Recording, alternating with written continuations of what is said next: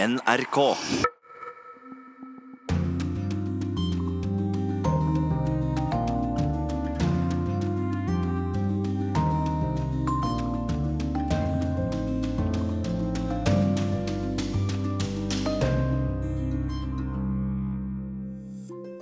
Russland utviser 23 britiske diplomater.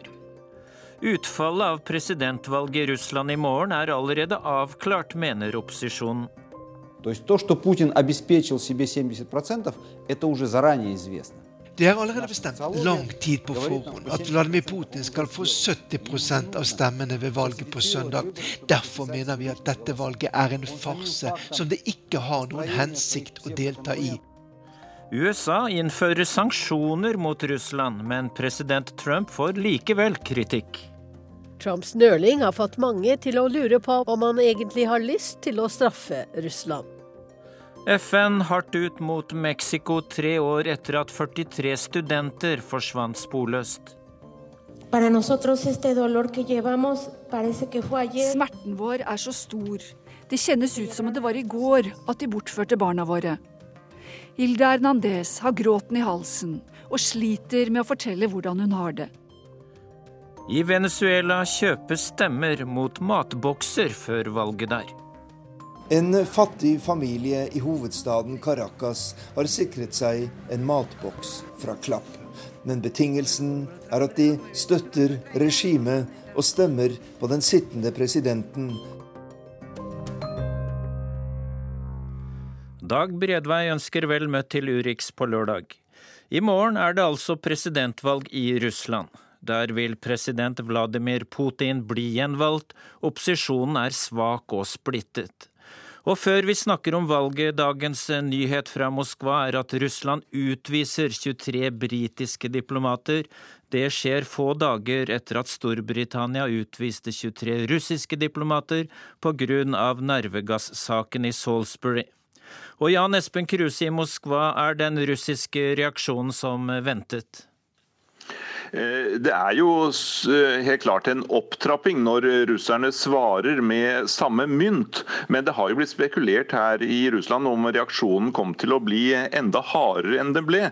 Når de utviser nøyaktig det samme antallet diplomater, altså 23 eh, britiske diplomater som skal ut her fra Moskva, så viser vel det sannsynligvis at de ønsker å, å ligge på helt samme nivå, og altså ikke går veldig kraftig kraftig inn for å gjøre denne krisen mellom de to landene enda verre. Men det faktum at de tar med eh, De stenger dette generalkonsulatet til Storbritannia i St. Petersburg og dette, eh, denne kulturformidlingsinstitusjonen til britene i Russland, det, jo, det, er jo, det er jo eh, et tegn på den store russiske misnøyen. Og det viser også at de, de trapper noe opp.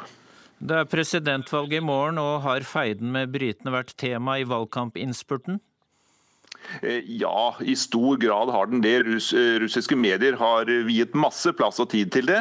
Eh, men, og, og det som skjer nå i dag, kommer jo til å overskygge fullstendig da, det som er av, igjen av siste rest av valgkampen, innspurten der.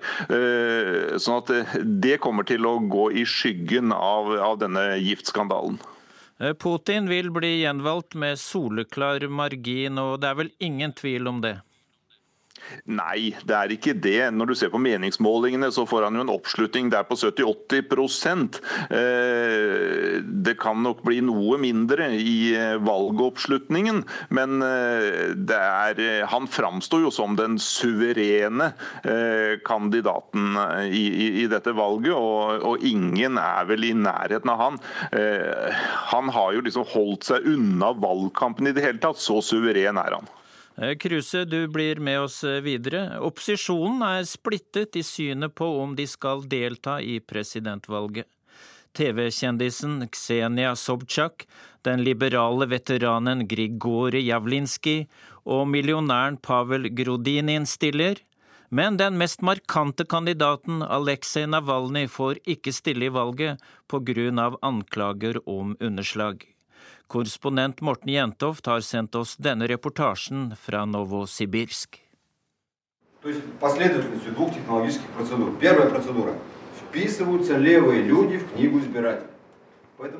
Det er en iskald marskveld i sentrum av Novosibirsk. Men i lokalene til den lokale staben til Aleksej Navalnyj er stemningen god Rundt 15 personer, de fleste mellom 20 og 30 år, er kommet sammen for å lære mer om hva som er viktig når de skal observere om et valg går riktig for seg. Hvor viktig det er å følge nøye med på om folk har med seg nødvendig dokumentasjon, og på selve opptellingen av stemmene, og det kritiske øyeblikket når stemmene sendes videre til den sentrale valgkommisjonen. Я буду наблюдателем здесь, в Новосибирске, en av dem som er til stede på dette valgobservatørkurset, er Artyom Utaganov. Han kommer til å være til stede i ett eller flere valglokaler under presidentvalget søndag, men han kommer ikke til å bruke stemmeretten sin denne gangen.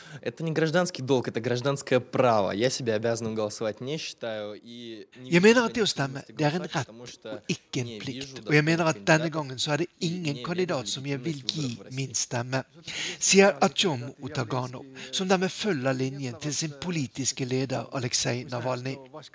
Jeg spør ham om ikke TV-kjendisen Ksenia Sabtsjak eller den liberale veteranen Grigorij Javlinskij kan være alternativer når Navalny nå ikke fikk lov til å stille.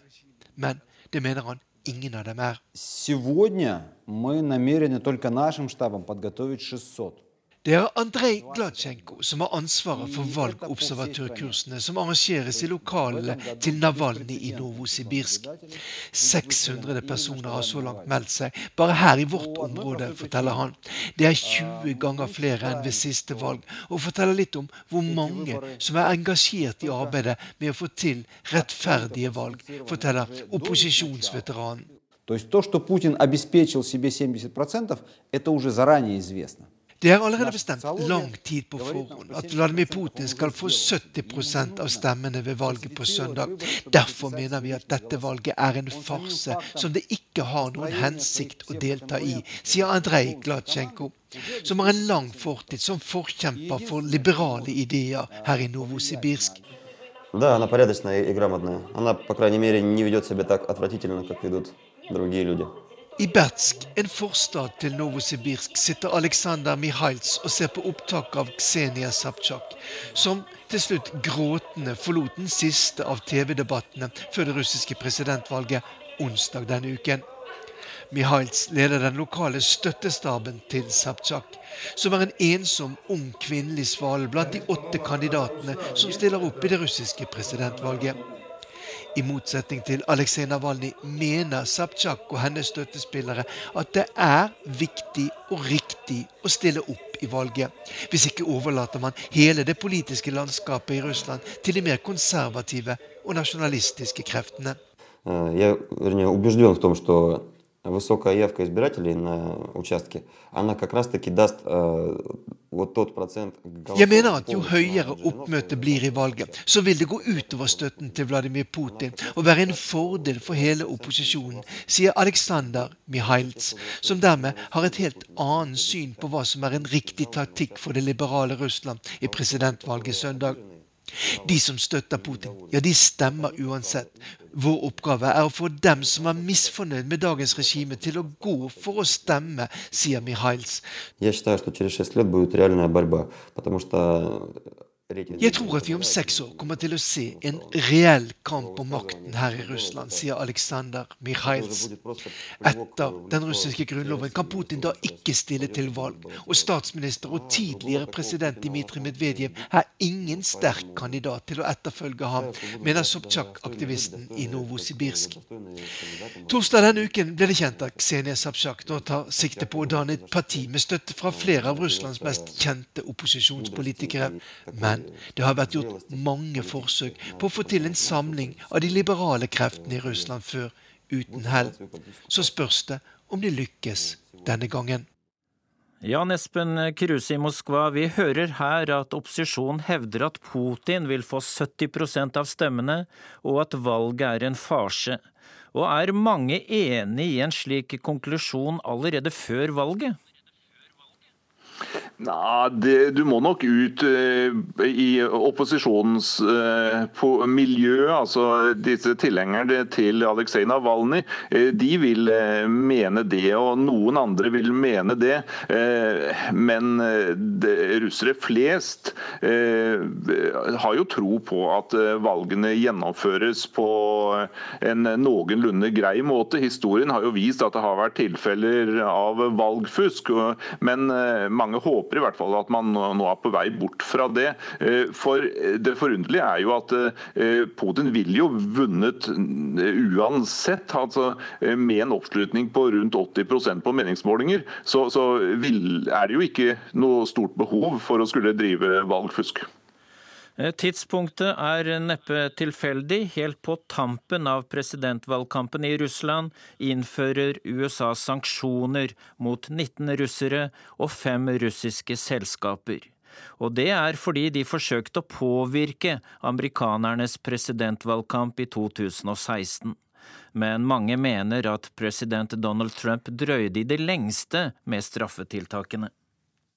This is an extreme dereliction of duty by President Trump, who seems more intent on undermining the rule of law in this country than standing up to Putin. Dette er et ekstremt tilfelle av tjenesteforsømmelse, og president Trump virker mer opptatt av å underminere rettssikkerheten enn å ta til motmæle mot Putin. These are mandatory sanctions. They passed 97 to 2 in the Senate. Den sterke anklagen om at presidenten bevisst har ignorert Kongressens påbud om nye sanksjoner, kom for en måned siden. Og mindretallslederen i Senatet, demokraten Chuck Schumer og hans partifeller, har ikke stått alene i sin kritikk. For en gangs skyld har det vært tverrpolitisk enighet i Washington. Også republikanerne har etterlyst handling fra han som skulle iverksette represalier mot dem som forsøkte å påvirke det amerikanske presidentvalget. Det er valg igjen til høsten, og det er en alminnelig oppfatning at også dette valget kommer russerne til å forsøke å påvirke. Trumps nøling har fått mange til å lure på om han egentlig har lyst til å straffe Russland.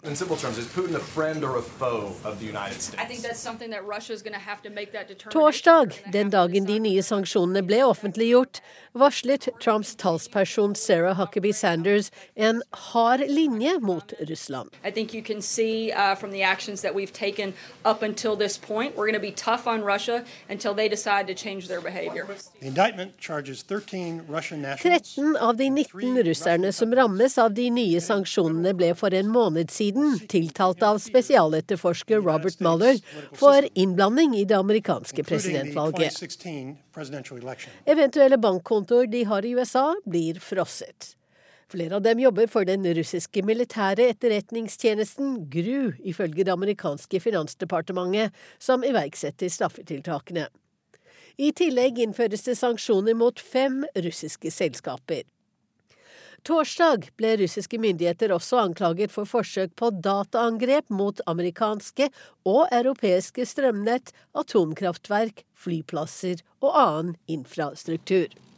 I det ovale kontoret samme dag så Trump vekk da en journalist spurte om de nye sanksjonene. Han valgte heller å si hva han mente om nervegiftangrepet i Salisbury i England.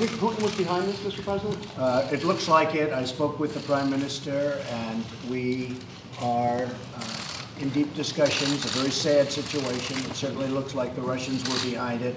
Uh, something that should never, ever happen. And we're taking it very seriously, as I think are many others. Til slutt i reportasjen hørte vi president Donald Trump, reporter Wenche Eriksen. Og Jan Espen Kruse, hva er reaksjonen i Russland på USAs sanksjoner mot landet? Ja, Ifølge uh, det russiske utenriksdepartementet så uh, avvises alt dette her som, uh, som vestlig hysteri og antirussisk propaganda. Og, sånn at det tilbakevises. og det, Russiske myndigheter de hevder at Vesten kun er interessert i å lage problemer for Russland, og at det er en, en sammenhengende rekke av kritikk og anklager fra vestlig side mot russerne. Eh, takk skal du ha, Jan Espen Kruse, direkte med oss fra Moskva.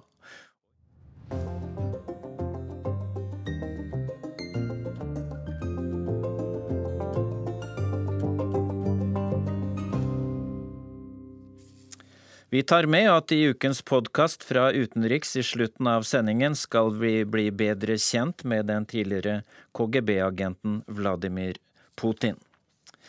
Vi forflytter oss til Mexico. I Mexico er rundt 30 kandidater til valget i juli blitt drept. Volden i landet har økt, og fjoråret var det blodigste på to tiår, med nærmere 30 000 drepte. Samtidig kommer det stadig nye anklager mot myndighetenes rolle i den såkalte narkokrigen. Senest i en ny FN-rapport som kom denne uka om bortføringen av 43 studenter i 2014.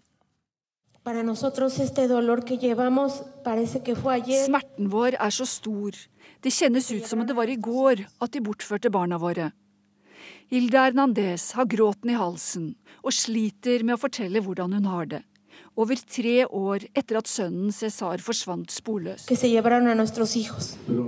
Hun er en av de pårørende som deltar på en pressekonferanse der FNs menneskerettighetskommisjon denne uka la fram en ny rapport om hva som skjedde da 43 studenter ble bortført høsten 2014. En sak som skapte internasjonal oppsikt. En gjeng studenter kom til byen Iguala for å demonstrere. Politiet begynte å skyte. Flere ble drept, og 43 studenter ble arrestert. Siden har ingen sett dem. Ifølge etterforskningen ble de pågrepet av det lokale politiet på ordre fra borgermesteren i byen, og deretter overlatt til narkokartellet Guerreros Unidos, som drepte dem og brente likene. Men kun ett lik er identifisert. Flere rapporter fra internasjonale eksperter og menneskerettighetsgrupper mener myndighetene ikke forteller sannheten, og at de har noe å skjule. Det har vært tilfeldige arrestasjoner og tortur for å få fram informasjon og tilståelser. Det sier Jan Jarab, som er representant for FNs menneskerettighetskommisjon i Mexico. I den nye FN-rapporten kommer det fram at både føderale etterforskningsmyndigheter og det statlige politiet deltok i tortur av flere av de mistenkte. Bruk av elektrosjokk, seksuell trakassering og trusler om å voldta slektninger var noen av metodene, som gjør at man ikke kan stole på tilståelsene, mener FN. Por, uh, la Bortføringen av studentene førte til store demonstrasjoner over hele landet, og ble et tydelig eksempel på de nære båndene mellom organiserte kriminelle og politikere i landet. Men samrøret skjer ikke bare lokalt. Annabel Hernandez er en av Mexicos fremste gravejournalister, og har skrevet bok om bortføringen av studentene, og flere andre avslørende bøker om den såkalte narkokrigen og myndighetenes rolle i den. Hun og flere eksperter og aktivister mener sporene i saken peker mot militære og nasjonale myndigheter Yo fui la primera que reveló la Policía Federal estuvo ahí vigilándolos. De mektige narkokartellene har tjent milliardbeløp på den lukrative narkosmuglingen til USA og Europa. I tillegg til menneskehandel, utpressing og annen kriminalitet. For pengene har de kjøpt og betalt politikere, dommere og politi. Mange eksperter kaller Mexico rett og slett en narkostat. Minst 30 politikere, som stilte som kandidater til president-, parlaments- og regionvalget til sommeren, har blitt drept. I den verste voldsbølgen i landet på to tiår. Nærmere 30 000 mennesker ble drept i fjor. Det er over 2000 mennesker hver eneste måned. De pårørende til de bortførte studentene håper å få svaret på hva som skjedde med deres kjære og at ingen andre skal oppleve det samme. Det kjennes som de dreper meg sakte. Dagene går, og jeg vet fortsatt ikke hvor sønnen min og kollegene hans er, sier Clemente Rodriguez, faren til en av de savnede studentene. Reporter her, Inger Marit Kolstadbråten.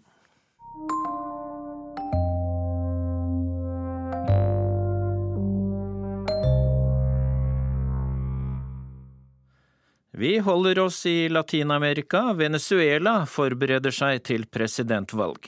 Men valget kan bli det endelige farvel med demokratiet i landet. For regimet bruker nå alle midler for å sikre seg gjenvalg, og opposisjonen synes sjanseløs. Arnt Stefansen i Rio de Janeiro har laget denne reportasjen. Fattige venezuelanere står i kø for å få utdelt et plastkort. Det heter Carnet de la Patria, fedrelandskortet, og det er et av regimets viktigste våpen foran presidentvalget til våren. Ved hjelp av fedrelandskortet kan en familie få kjøpt billig mat fra de såkalte lokalkomiteene for forsyning og produksjon, bedre kjent som Klapp. I et land med akutt matmangel er dette som en gave fra himmelen for millioner av mennesker.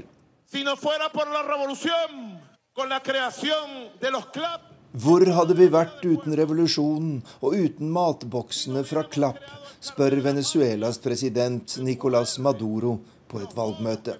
Hva slags liv ville folk ha levd dersom vi ikke hadde innført fedrelandskortet og andre sosiale ordninger, sier presidenten. En fattig familie i hovedstaden Caracas har sikret seg en matboks fra Klapp. Den inneholder ris, pasta, matolje, tørrmelk og andre basisvarer, nok til å holde liv i dem i et par uker. Men betingelsen er at de støtter regimet og stemmer på den sittende presidenten, sier kommentatoren Osvaldo Ramírez. Eh, For fire millioner venezuelanere er regjeringens matbokser den eneste næringskilden. Og for åtte millioner andre er denne ordningen et svært viktig supplement. Vi snakker altså om tolv millioner mennesker i et land med drøyt 30 millioner innbyggere. Den politiske betydningen av dette kan vanskelig overvurderes, sier eksperten. Venezuelas regjerende sosialistparti åpner sin valgkamp i Caracas, og president Nicolas Maduro er partiets kandidat. Til tross for at landet er på randen av økonomisk sammenbrudd, tror de fleste observatører at han vil greie å bli gjenvalgt. Det folkevalgte parlamentet er satt til side og erstattet med en regimetro forsamling. Og det har vært omfattende manipulering ved de siste regional- og lokalvalgene. I tillegg har regimet nektet de fremste opposisjonspolitikerne å delta i presidentvalget. Men opposisjonen har gjort det lettere for regimet ved å opptre splittet de siste månedene. Det er ingen tvil om at denne splittelsen er noe vi må få slutt på, sier den ledende opposisjonspolitikeren Louise Stefanelli i et intervju jeg gjorde med ham i Caracas nylig. Men det har ikke lyktes å samle troppene, og opposisjonen vedtok nylig å boikotte valget, med ett viktig unntak. Den tidligere guvernøren Henry Falcon har kunngjort at han vil utfordre president Nicolas Maduro ved valget til våren. Falcon er en mindre kjent opposisjonspolitiker i Venezuela, og mange tviler på at han kan hamle opp mot regimets maktapparat. Nosotros venimos a esta instancia jeg har tatt beslutningen om å stille til valg på vegne av millioner av venezuelanere, sier presidentkandidaten. Jeg vil representere alle frustrerte velgere som styres av politikere som lovet dem et paradis og ga dem et helvete. Og på min motstander passer bare én betegnelse sultens president, sier Henry Falcon, kandidat ved presidentvalget i Venezuela den 20. mai.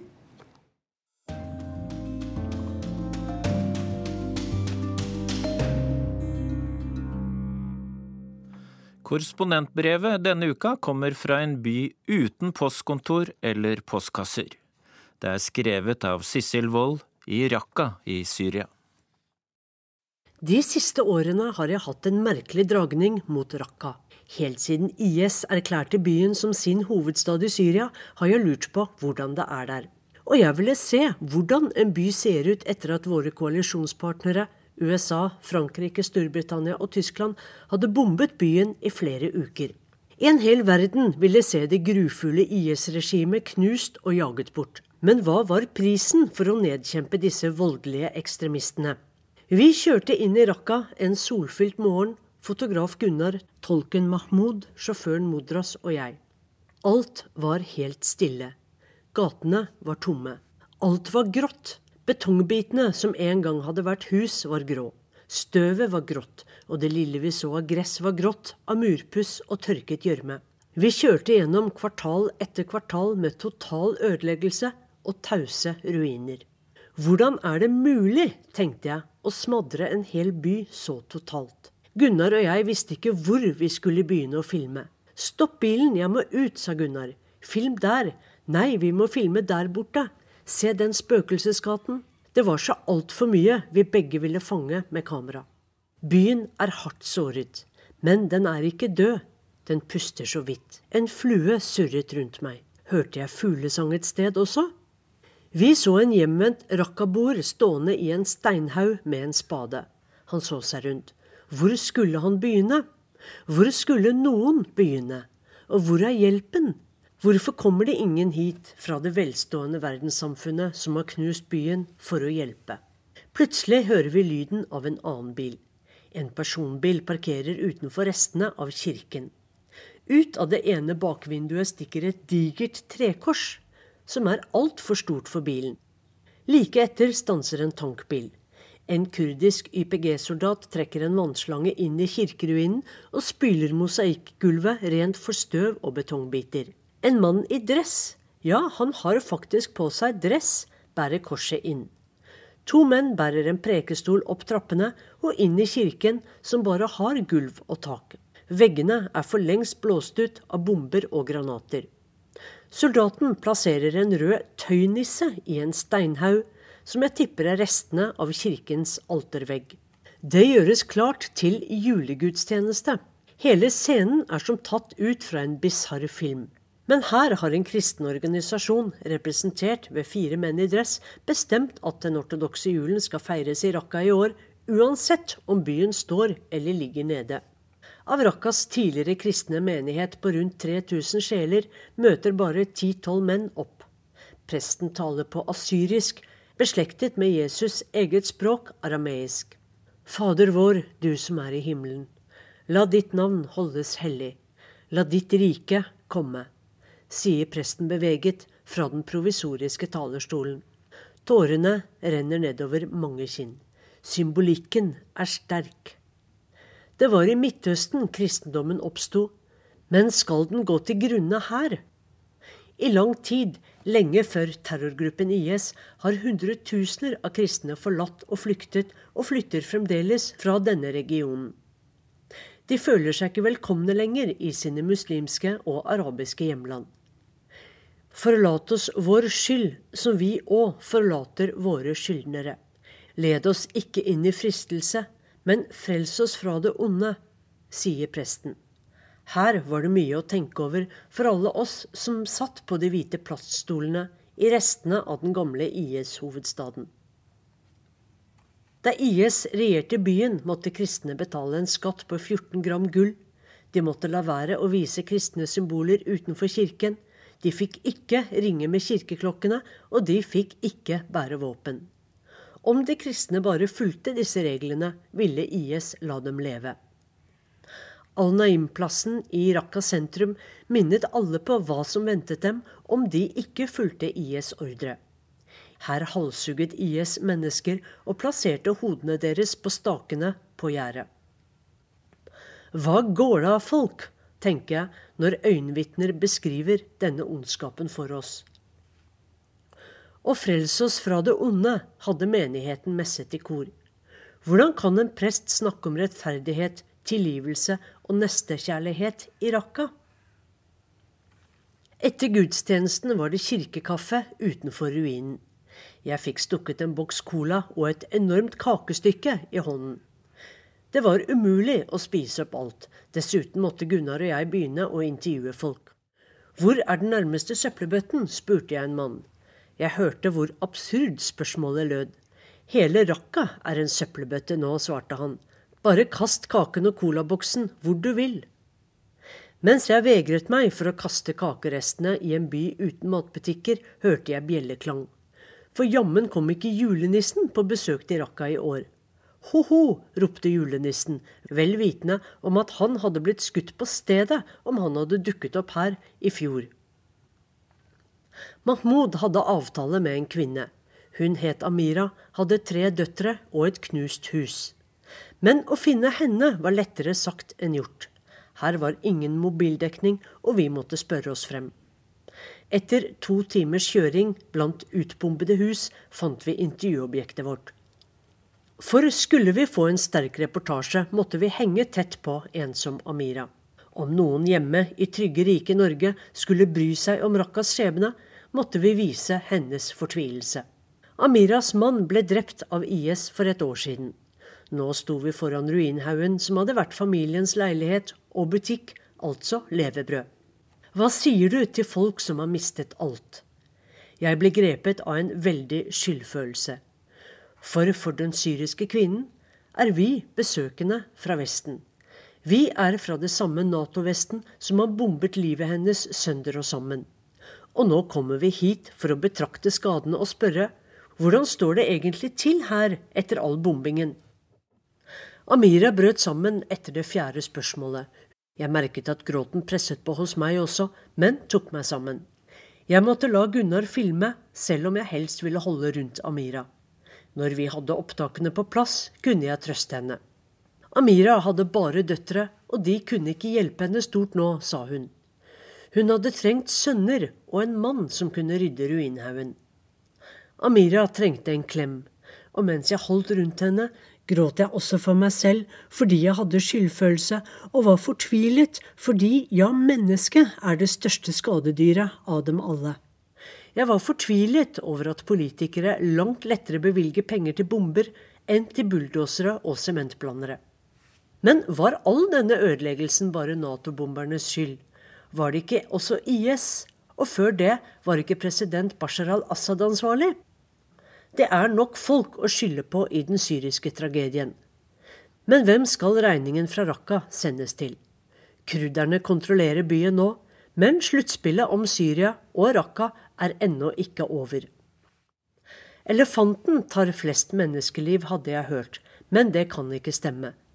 På en liste i Illustrert vitenskap over verdens farligste dyr for mennesker ser jeg at elefanten bare er på tolvteplass. Men mennesket selv er på andreplass på denne listen.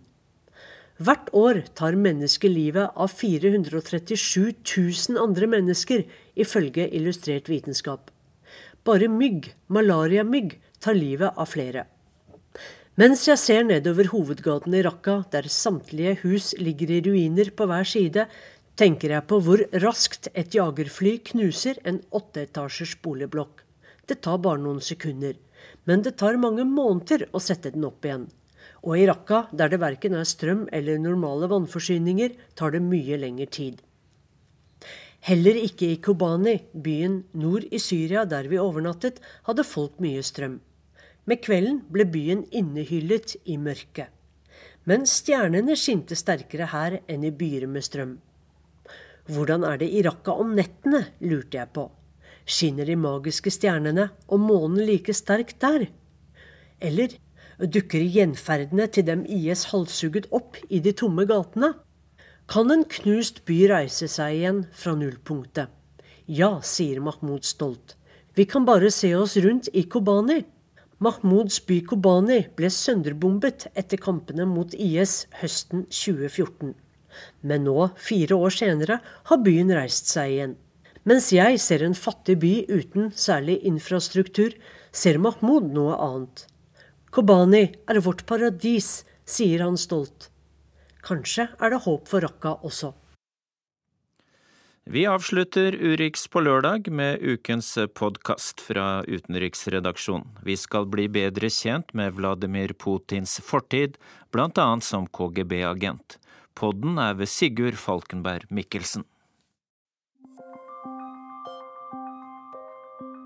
Høsten 1989 satt en ung KGB-offiser og brant dokumenter for harde livet i en rødglødende kakkelovn. Hans kodenavn var offiser Platov. Utenfor KGB og Stasi-kontorene i Dresden hadde det samlet seg en sint østtysk folkemasse. De ba om svar etter årtier med diktatur og overvåkning. De hemmelige agentene prøvde desperat å få kontakt med Moskva for instruksjoner. De fikk aldri noe svar. Offiser Platovs egentlige navn var Vladimir Putin og nesten 30 år senere er han på vei inn i sin tredje periode som Russlands president.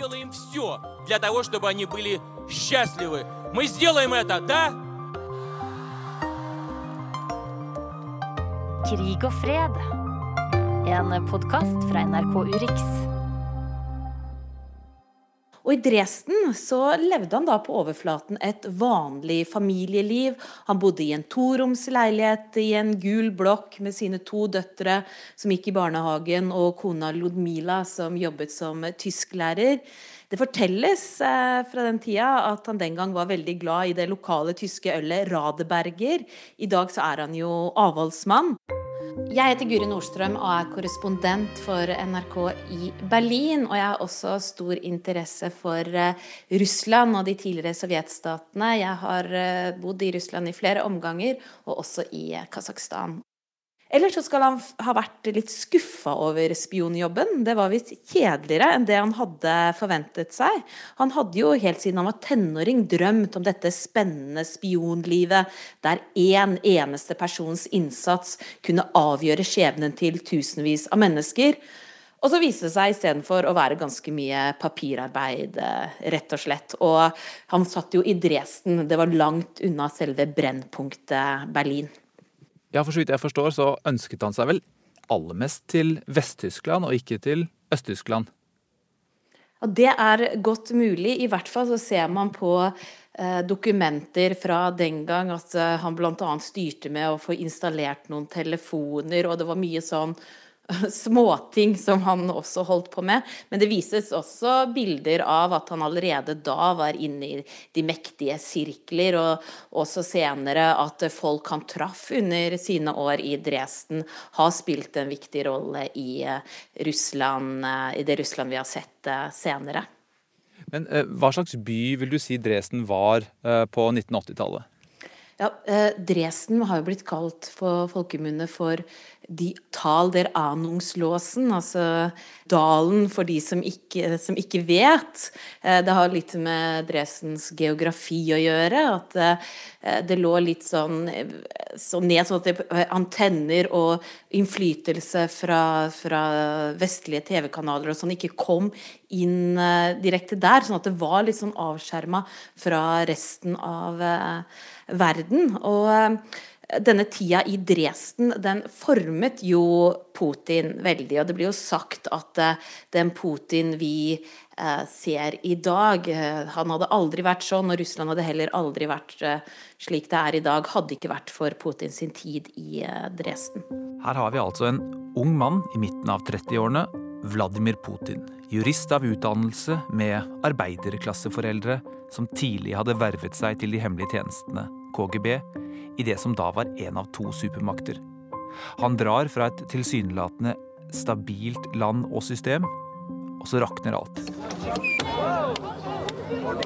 Berlinmuren faller, og demonstrasjonene sprer seg fra Berlin rundt om i det en gang så overvåkete og kontrollerte Øst-Tyskland. Også til Dresden, hvor Putin jobbet.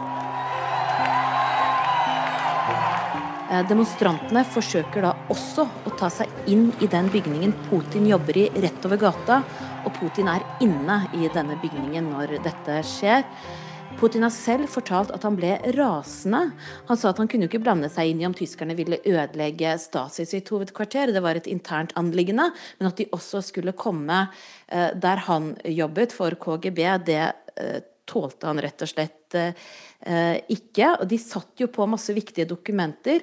Og Putin har beskrevet det som at han, det føltes som om ingen ville beskytte dem. Og mens demonstrantene da forsøker å ta seg inn i bygningen, så ringer Putin de lokale representantene for det sovjetiske militæret for å få hjelp. Men da får han beskjed om at de ikke kan gjøre noe før de får ordre fra Moskva. Men fra Moskva så kommer det ingen ordre. Og i ettertid så har Putin beskrevet dette som at det var øyeblikket han innså at Sovjetunionen var sykt, at det var totalt handlingslammet. Og han ble rett og slett nødt til å brenne alle papirer, all overvåkningen, alt arbeidet som han og kollegaene hadde gjort. Han har fortalt at han måtte brenne såpass mange dokumenter at kakkelovnen til slutt eh, sprakk. Og dette var jo en opplevelse som satte dype spor. Eh, han var også vitne til hvordan hans da kamerater fra Stasi ble hengt ut. En nær venn av ham som jobbet der, tok også livet sitt pga. dette. Øst-Tyskland gikk i oppløsning. Sovjetunionen var også i ferd med å gå duken. Og alt Putin hadde jobbet for og trodd på, var nå borte. Og det var nok en ganske bitter mann som da tok med seg familien og flyttet tilbake til Leningrad, altså dagens St. Petersburg, eh, der han også måtte flytte inn i leiligheten til sine foreldre. He comes into Russia he cannot recognize. Because I think through all his years in Germany, he was really enjoying life. Pavel Bajev jobber på PRIO, fredsforskningsinstituttet her i Oslo. Han kommer opprinnelig fra Moskva, og ankom Oslo for 25 år siden. Faktisk nesten samtidig med at Putin vendte hjem til Russland fra Øst-Tyskland. How much of this formed him as a person and as a politician? I think that um, produced feeling. Uh, there was a very strong feeling of fear of sudden things suddenly happening. Nobody can able able to predict. Everything seems under control. Everything is stable and forever, and then suddenly it all uh, it all goes bust. And also kind of the um, the feeling, all right, Germany is a special case, divided Germany in particular. It is sui generis. It is, uh, it's maybe unique, but Soviet Union, the collapse of that state, that was a consequence of, of some blunders that it wasn't predetermined, it wasn't historically uh, kind of natural in any way. That that's because he wasn't able to observe the Soviet Union in this kind of extra mature age when the, the whole system went really uh, into such degradation and dysfunction. Uh, that means that he thinks that that the fall of Soviet Union was mostly a political failure, not a economic or, or system failure. And that means that it could have been avoided. And I think he said in an interview that the biggest geopolitical catastrophe of the 20th century was the collapse of the Soviet Union. It was really a failure of leadership. He sees that very much as a result of the weakness and undecisiveness of some blunders and of some kind of cadre mistakes. Um, so for him, uh, it's not really about economy or big geopolitical picture. It is very much about the, the management. Når jeg hører Pavel Bajev si dette, så tenker jeg at eh, det ligger et stort paradoks i Putin og Putins karriere. For alt det som har formet han som politiker, som leder, Sovjetunionens kollaps, kaoset på 1990-tallet, det er jo de samme kreftene som gjorde at han nettopp endte opp som president. For hans vei til makten er nesten ikke til å tro. Den anonyme KGB-agenten kommer hjem til St. Petersburg, får seg en jobb i byråkratiet rundt uh, mannen som skal bli borgermester i St. Petersburg.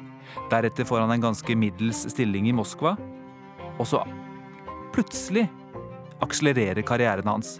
Han tar over FSB, arvtakeren til eh, KGB. Og så blir han utpekt som etterfølger til Boris Jeltsin, som da var president. Men da var ikke Putin bare ukjent i omverdenen, han var helt ukjent for russerne også.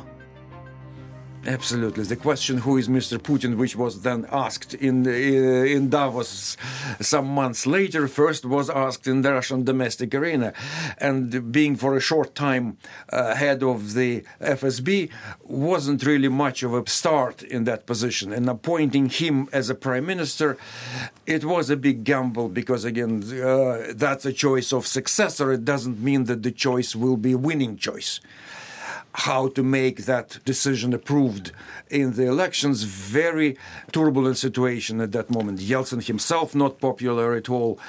Uh, all sort of domestic uh, chaos caused by economic uh, crisis and departure of all those immediately responsible. Uh, for that, uh, which happened only in 98, in the second half of 98. Very painful spasm of, uh, of crisis. So all sort of turbulence on the domestic political arena, and the only thing which really propelled Putin up was the, the new war with Chechnya. Og det er her Putin for første gang virkelig entrer scenen. Russland har tapt én krig i Tsjetsjenia, de er på vei inn i en ny, og da kommer Putin med sitt utsagn om at de skal jage og drepe terroristene overalt, på flyplasser, på toalettet.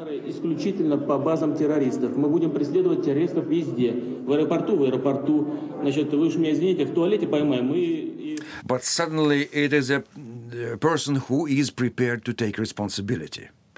Not to hide behind others, not to say we need to consider and to have a committee, um, that we need to learn lessons from the previous war, etc. Person who very directly uh, accepted responsibility. Russland og Putin vinner krigen i Tsjetsjenia med brutale virkemidler. Så kobler han grepet om Moskva. Hans motstandere har ikke mye å stille opp med. Oligarkene, f.eks., disse menneskene som har tjent seg søkkrike etter Sovjetunionens fall, kan velge om de vil innordne seg hans styre, eller ende i eksil eller fengsel. Han stabiliserer staten og blir den eneherskeren vi nå kjenner ham som. Det tar noen år før han vender blikket utover. Det skyldes først og fremst en opplevelsen av fargerevolusjoner som skjedde i de postsovjetiske sfærene utover 2000-tallet. Eh, man hadde i 2003 en roserevolusjon i Georgia som kasta den autoritære lederen der. 2004 var det oransje revolusjon i Ukraina. 2005 eh, en tulipanrevolusjon i Kirgisistan. Og disse land som Russland føler en veldig nærhet til kulturelt og på alle mulige områder, nettopp fordi at de alle var tidligere sovjetiske stater. Mitt navn er Malin Nestevik. Jeg jobber på NUPI, Norsk utenrikspolitisk institutt, og forsker på russisk utenriks- og sikkerhetspolitikk. Analysen i Russland er at disse revolusjonene og kasting av de autoritære lederne ble fasilitert av Vesten. Fordi at vestlige land sjøl sier da selvfølgelig at de vil fremme demokratiske ledere, men mens Russland ser dette som en del av ekspansjonspolitikken til Nato, til EU, eh, og i det hele tatt en vestlig ønske om å, om å kaste ledere som ikke er vennlige mot, mot Vesten. Спасибо большое, уважаемая госпожа федеральный канцлер, господин Тельчик, дамы и господа i egentlig 2007 syns jeg er et veldig sentralt år, for da holdt Putin en veldig kjent tale på sikkerhetskonferansen i München, der han raljerte med USA og deres eh, framtreden i internasjonal politikk, og hvordan de bare kjørte sitt eget løp. Og selvfølgelig eh, erfaring med Irak-krigen osv. spiller jo inn her. Og da sa han at dette er ikke holdbart, sånn kan man ikke ha det. Og så ganske kort tid etterpå, i 2008, så fikk du Georgia-krigen, der eh, Russland viste at de var faktisk villige til å bruke fysisk makt og militærmakt for å stoppe en eventuelt eh, vestlig Nato-ekspansjon til Georgia som var på bordet da. Så jeg tror det er definitivt den frykten for, for vestlig innflytelse, og at den nå til slutt, etter å ha vært i Georgia, i Ukraina, i Kirgisistan, at den, den typen bevegelser skulle komme til Russland sjøl. Og det måtte man sette en endelig stopp for for å opprettholde regimet. De opplevelsene Putin hadde da Sovjetunionen kollapset, og av Russland på 1990-tallet, den fortiden, hvor mye tror du det preger hans verdensbilde og måten han driver utenrikspolitikk på? Jeg tror det preger måten han ser på verden i veldig stor grad. Eh, særlig når det kommer til en sånn skuffelse over Vestens oppførsel vis-à-vis Russland på 90-tallet. I Russland i det hele tatt, med oppbruddet av Sovjetunionen, så hadde man veldig store egentlig forhåpninger om å bli akseptert som en del av eh, I større eller mindre grad og som en del av det vestlige fellesskapet. Og bli integrert økonomisk eh, i institusjonelle settinger osv. Um, så, ble, så endte det opp med egentlig å bli en veldig stor skuffelse. Eh, fordi at man så at eh, tvert imot, istedenfor at man ble inkludert, så drev Nato ekspanderte østover osv. Altså, jeg tror når man er en tidligere KGB-agent, så har man kanskje ikke så veldig mye illusjoner uansett, men av det man skulle ha hatt av illusjoner om gode intensjoner osv., ble, ble da definitivt brista. Det ligger en skyggeside i Putins eh, styresett. Det er eh, korrupsjonen og så er det vanskelighetene opposisjonen har hatt med å komme til uttrykk. Aller tydeligst er det i henrettelsene eller drapene som har foregått på regimekritikere. Nå er det uklart hvor mye Putin selv har hatt med dette å gjøre, men for russere flest var drapet på opposisjonspolitikeren Boris Nemtsov et eh, vannskille. I think Boris Nemtsovs murder was probably the biggest of all shocks. and it suddenly created a situation where you feel after that everything is possible. Anybody can be thrown in jail, anybody could be murdered. Uh, it's somewhat different story about the value of human life and overall uh, the risks of everyday existence. And so in Russia today, it's very difficult to find the person who would be shocked or surprised about the poisoning in United Kingdom. And definitely there are two different stories simultaneously spinned by the Kremlin. One for external consumption that we have nothing to do with that, and one for domestic consumption that every traitor will be treated accordingly and you know that the two stories contradict one another. That's a very particular Russian logic behind that all. Jeg lurer på hvor populær Putin egentlig er. Det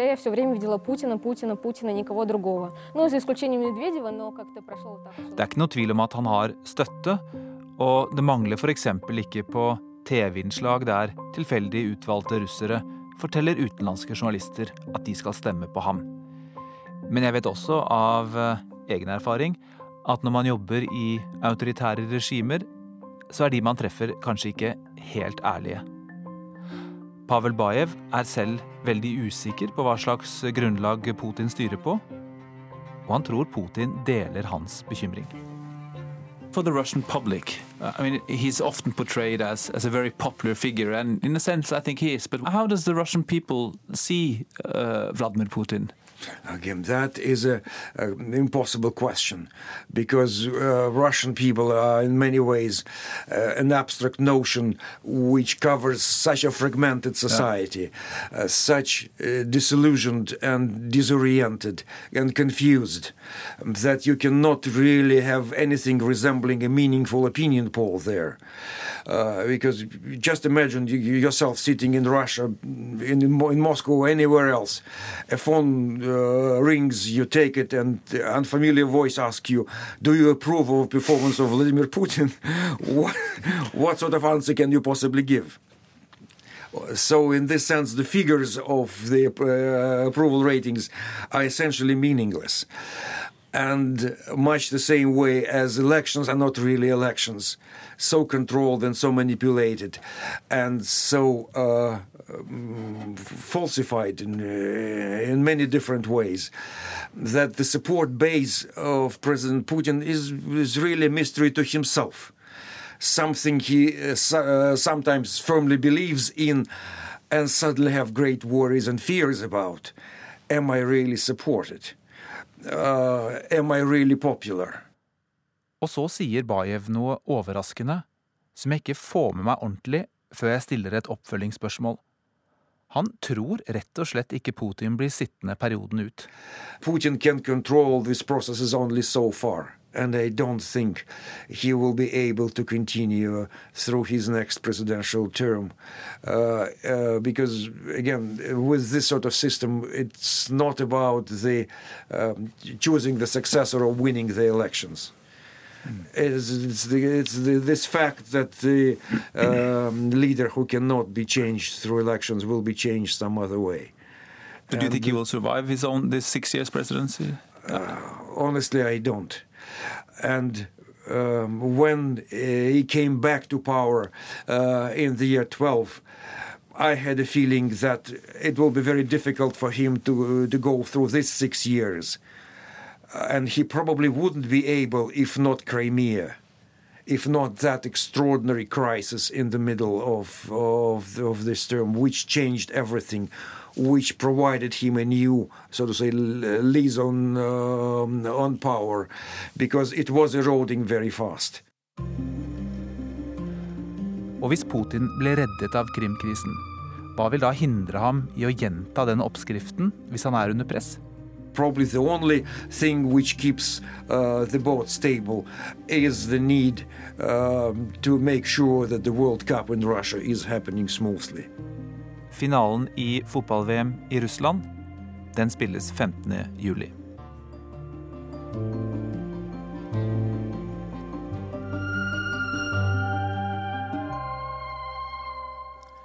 Urix på lørdag er slutt. Lisbeth Sellereite, Andreas Krantz og jeg, Dag Bredvei, takker for følget.